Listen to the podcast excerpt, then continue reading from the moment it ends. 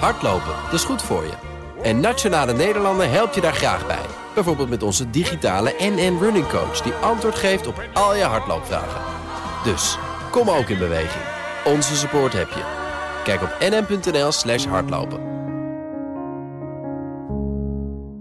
The Daily Move. BNR Nieuwsradio. Jelle Maasbach en Kees Dorrestein.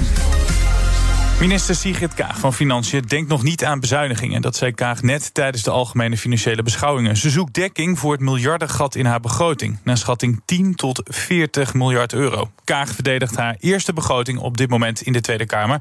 En daar is eh, BNR's politiek verslaggever Sophie van Leeuwen bij. Sophie, fijn dat je er bent. Dag Jelle. Haar debuut, hè? Ze gaat uh, ja. ja, qua overheidsfinanciën in het rood en lijkt geen plan te hebben. Nee, en dat is wel een historische prestatie, Jelle. Want ze is nu minister van Financiën, presenteert of verdedigt haar eerste begroting. Na toch wel kritiek op haar. Kan ze het eigenlijk wel, want ze is diplomaat. Heeft ze wel verstand van geld? En ja, ze heeft wel een beetje lef, want ze zegt heel resoluut: we betalen die energierekening, maakt niet uit wat het kost. En we zien volgend jaar wel hoe we het gaan betalen. Dit is zo'n unieke, extreme situatie dat het ook past om als overheid naast de mensen te staan en de bedrijven waar dat nodig is. En dan te zeggen, met de mogelijkheden die we hebben... we gaan dit zorgvuldig aflopen. Het is heel lastig om te zeggen of we op inderdaad 10, 11 miljard uh, koersen... of uh, een heel erg scenario van 40 miljard. Maar wij willen dit dekken. Alleen dit is niet het moment waarop we dat op een geïnformeerde, verstandige manier kunnen doen. Een gat van misschien wel 40 miljard euro, Jelle. En dan is het tot volgend jaar bij de voorjaarsnota. Ze zei ook nog even, nou, misschien kan ik er nog op terugkomen bij de najaarsnota. Ja, chaos en onzekerheid ja. eigenlijk. Ja, uh, je zei het al, historisch, het is uh, ongekend wat er gebeurt. Komt ze hiermee weg in, in de Tweede Kamer? Want er zijn wel eens uh, politici om minder miljarden boos geworden. Ja, en dat zorgt wel voor ergernis. Met name bij de oppositie en opvallend de PvdA. Die drongen zelf trouwens aan op het peperdure prijsplafond. Maar Henk Nijboer die zegt nu eigenlijk... meneer minister Kaag, u, ma u maakt er eigenlijk een potje van. De heer Nijboer. Ja, ja voorzitter van de najaarsnota gaat over dit jaar, hè? Ja. Dat gaat over de begroting van okay, dit jaar. En waar wij het over hebben is het begroting voor volgend jaar. En daarom exact. is de voorjaarsnota ook zo'n slecht moment. Omdat er nu toestemming wordt gevraagd voor uitgaven van naar verwachting 23 miljard. Uh, maar we moeten wel stemmen uh, straks over 20 miljard extra. En we weten niet waaruit het gedekt wordt. En ik wil gewoon voordat wij stemmen, en dat is eind november, uh, meen ik voorzitter... Ja. moet de Kamer gewoon weten waar ze aan toe is. En dat is eigenlijk wat we de minister vragen. De PvdA wil dus geen handtekening zetten onder... ja, waar, waaronder eigenlijk? Misschien gaat u wel bezuinigen. En dat willen wij niet. Nou, daar, zit een halve toezicht in Kaag zegt... daar denk ik niet direct aan. En de VVD die probeert het te sussen. Tweede Kamerlid Ilko Heijnen. Uh, ja, voorzitter. Het klopt toch dat, uh, want terecht hè, dat er wordt gevraagd ook naar hoe dit allemaal uh, gedekt wordt. Tegelijkertijd wordt dan ook aan de minister gevraagd om een glazen bol te hebben. Want we weten niet hoeveel ja. het kost, omdat we niet weten hoe de energieprijs zich ontwikkelt. En we weten niet hoe zich het alles zich internationaal ontwikkelt. Dus ik wil hier ook wel even voorkomen dat we de minister vragen... onze weervoorspelling? Moet ik in april een korte of een lange broek aan? Soms weten we het gewoon niet. En ik vraag daar ook wel enig begrip voor. Het is één grote glazen bol, zegt de VVD. dus we hopen op een warme winter en een warme lente. Ja, heel veel uh, politiek. Uh, maar laten we eens uh, dieper ingaan op die overheidsfinanciën. Daarvoor is bij ons ons financieel geweten, zou je wel kunnen zeggen. In de studio Bas Jacobs, hoogleraar economie en overheidsfinanciën aan de Vrije Universiteit Amsterdam. Het is dus haar debuut van onze minister van Financiën. Hoe vindt u dat dit debuut ging? Nou, ik heb niet uh, heel uh, uitvoerig alle debatten tot nu toe zitten kijken. Want ik heb gewoon ook mijn werk. En, maar het plan wat er zo nu Maar wat, ik, wat ik hier hoor in ja. de fragmenten is toch. En wat we ook al het afgelopen jaar zien. is, is toch niet heel strak in de besluitvorming, in de politieke processen, de procedures. er zijn natuurlijk extreme omstandigheden. Mevrouw mm -hmm. Kaag die, die had het daar al over. Maar kan me niet aan de indruk onttrekken. En dat zijn ook dingen die door mij verteld worden door ambtenaren in Den Haag. Dat, dat, het, dat het behoorlijk chaotisch is. Het CPB maakt de kritische kanttekening bij de doorrekening. Uh, van de miljoenennota, de macro-economische verkenning, daar schreef je in dat ze inmiddels niet meer in staat is. Uh, vanwege alle bijstellingen en aanpassingen om te kunnen controleren of de uitgaven onder de begrotingslijnen, de, de, de begrotingskaders blijven. En dat maakt het gewoon een tamelijk chaotisch geheel. Ja. En dat is zorgelijk, omdat gewoon je hebt gewoon goede begrotingsprocessen nodig om op een goede manier je geld uit te geven. Maar u heeft het over die ambtenaren. Dat zijn dan ambtenaren van het ministerie van Financiën, denk ik. Zeker. Die dus zeggen achter de schermen is het eigenlijk chaotisch. Weten zij het zelf ook niet? Ze nee, ze, ze, worden, ze, worden. Kijk, de politiek neemt de hele tijd nieuwe besluiten. We hadden voorjaarsnota, dan hadden we de miljoenennota met 17 miljard. En toen kwamen de energieprijsplafonds. Er zit nog een pakket in voor het energie-intensieve bedrijfsleven. Uh, er worden iedere keer nieuwe besluitvormingsmomenten ingevoerd, waardoor het heel moeilijk is om dit op een goede manier ordentelijk uh, uh, te organiseren. Als zij het zelf al niet meer weten, hoe weten we dan dat het ook echt zijn werking gaat treffen in die economie? Nou, kijk, de, de grote bezwaren van veel economen, eigenlijk sinds het aantreden van Rutte 4, uh, uh, zijn dat er heel veel geld wordt uitgegeven en dat dat niet op de meest doelmatige manier gebeurt. Ook nu zien we dat de regering 17 miljard aan koopkrachtreparatie aanvankelijk in de stijgers had gezet, mhm. vooral met inkomenspolitieke maatregelen. En daar een dag voor Prinsjesdag de energieprijsplafonds overheen heeft gezet. Het overlapt elkaar voor een deel. En dat we nu de teller op 35 miljard hebben staan. Ik denk dat dat macro-economisch te veel van het goede is. Ik niet alleen, ook de centrale bank, uh, eh, DNB. Eh, ook uh, denk ik dat er waarschuwingen zijn geweest vanuit het CPB.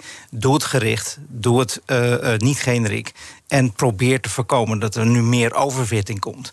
Ik denk ook dat, dat die, die, die energieplafonds, heel begrijpelijk. Mm maar heeft ook een aantal schaduwzijden die toch niet zo goed over het voetlicht komen. Ook hier weer, er kunnen grote ondoelmatigheden ontstaan. Zeg geldverspilling, omdat voor een deel de energieplafonds ook leiden tot prijsopdrijving. Je gaat een deel van de prijzen garanderen, maar in het deel van de markt waar de prijs vrij is, moet gewoon de prijs omhoog. Uh, uh, om te zorgen dat de grotere vraag in het gereguleerde deel wordt opgevangen. Want er is niet ineens meer aanbod. Nou ja, die hogere prijzen in, uh, in de energiemarkt die verdwijnen voor een deel in de handen van energieproducenten, in de olie- en gasproducenten.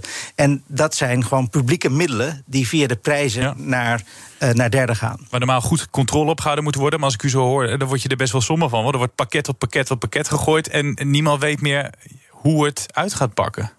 Nou ja, goed, uh, wat we weten is de doorrekening van de 17 miljard van het CPB. Maar eigenlijk moet het CPB opnieuw aan het rekenen.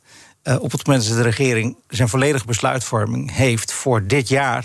En ik zei het net al, er komt ook nog een pakket aan voor energie-intensieve uh, bedrijven. Daarvan heeft de regering gezegd dat zien we pas april volgend jaar verschijnen. Ja. Maar pas als die hele besluitvorming uh, af is, kan je eigenlijk zeggen wat het gaat doen. Maar we, je kan nu al zien dat het begrotingstekort richting de 5% van het BBP zal gaan. Nou, in een economie die aan het oververhitten is, is dat echt gigantisch. Ja. Het is uh, uh, prijsopdrijvend. Uh, ja, de energieplafonds zullen de, de inflatie dempen. Maar aan de andere kant wordt de inflatie ook opgepoogd doordat we zoveel uitgeven. Het is allemaal niet wat wij tijdens economie hebben, hebben geleerd. Laat ik het daar op houden. Ik wil even een stukje erbij pakken van het debat. En ik ben benieuwd wat u daarvan vindt. Kaag mhm. gaat in op het risico voor de overheidsfinanciën.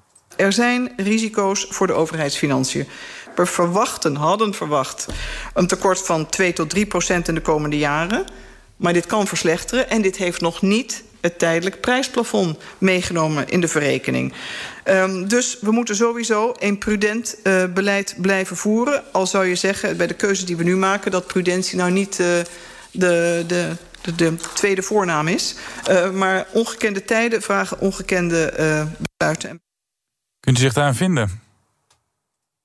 Ja, ik vind het wel gek dat ze het heeft over prudent. Want uh, deze begroting zou ik niet als prudent, prudent kwalificeren. Ik vind het eigenlijk macro-economisch niet heel verantwoord wat we nu doen.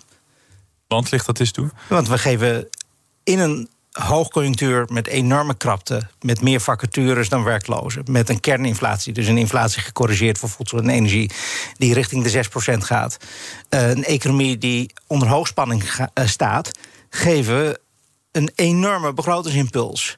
Met een begrotingstekort van 5% van het BBP. Is hartstikke procyclisch, zeggen economen dan. Mm je moet in een, uh, in een recessie die veroorzaakt is door uh, vraaguitval, moet je stimuleren. Maar als je allerlei aanbodbeperkingen hebt, zoals nu, moet je eigenlijk heel voorzichtig aan doen met de begroting. En dat doen we niet. de, de gulden weg was hier geweest om ja, de onderkant te helpen met met koopkrachtondersteuning. Maar je had de belastingen moeten verhogen voor de bovenkant. om te voorkomen dat de, dat de, dat de regering zo'n gigantische begrotingsimpuls nu in de economie laat landen. Is die maatregel snel genoeg om die onderkant en ook de, de onder, onderkant van de middeninkomens snel te helpen? Want dat wil je al deze winter doen. Ik vind dat hier in Nederland uh, aan de ene kant terechte zorg is. Want we zien nu al de energierekening omhoog gaan. Maar ik vind ook dat er wel vrij heftig wordt gereageerd op het hysterische soms af dat de overheid ongeveer direct een knop moet indrukken en met compensatie over de brug moet komen. Uh, de oppositie moet worden nagegeven. Ze hebben hier al een jaar om zitten, uh, zitten vragen. Dus dat hadden ze eerder kunnen, kunnen uh, besluiten. Maar we moeten een beetje af van het idee dat de overheid op het moment dat er één ding misgaat, direct stand te peden met beleid over de brug kan komen om alle pijn in de samenleving te verzachten. Bij deze energiecrisis is het gewoon zo: er is minder gas. Omdat er minder uit Rusland komt. Er is ook minder olie. Dus die prijzen zijn hoger. Uh, dat zorgt voor een koopkrachtverlies. Dat is onvermijdelijk. Wat we kunnen doen, is de pijn eerlijker verdelen. Maar we komen niet van de pijn af. En wat iedereen nu de hele tijd wil, is dat we die pijn op een of andere manier wegpoetsen. Maar die rekening gaat niet weg. Uh, uh, sterker nog, we zijn, we zijn nu best een forse extra rekening aan het maken. En ja, dat wordt voor een belangrijk deel doorgeschoven naar de toekomstige generaties. Nou, mijn latere kinderen en mijn kleinkinderen die mogen die rekening gaan betalen. Via een hogere staatsschuld. Nu, nu wil ik dat niet dramatiseren. het probleem is niet een gebrek aan, je zou kunnen zeggen, financiële armslag bij de staat. Het probleem is gewoon gebrek aan capaciteit in de economie en een gebrek aan energie. En maatregelen als zo'n prijsplafond of koopkrachtondersteuning doen niks aan die twee gebreken. Namelijk, we hebben eigenlijk meer arbeidspotentieel in de economie nodig en we hebben meer energie nodig. Dank u wel. Bas Jacobs, hoogleraar Economie en Overheidsfinanciën aan de Vrije Universiteit. En Sophie van Leeuwen, onze Haagse verslaggever. Ik uh, wilde zeggen, ik ben, ik ben je niet vergeten. Ik hoop dat ik je zo meteen uh, nog even hoor. Tot snel. Tot snel. Business Booster. Hey ondernemer, KPN heeft nu Business Boosters. Deals die jouw bedrijf echt vooruit helpen. Zoals nu, zakelijk tv en internet, inclusief narrowcasting... de eerste 9 maanden voor maar 30 euro per maand. Beleef het EK samen met je klanten in de hoogste kwaliteit. Kijk op kpn.com businessbooster. Business Booster.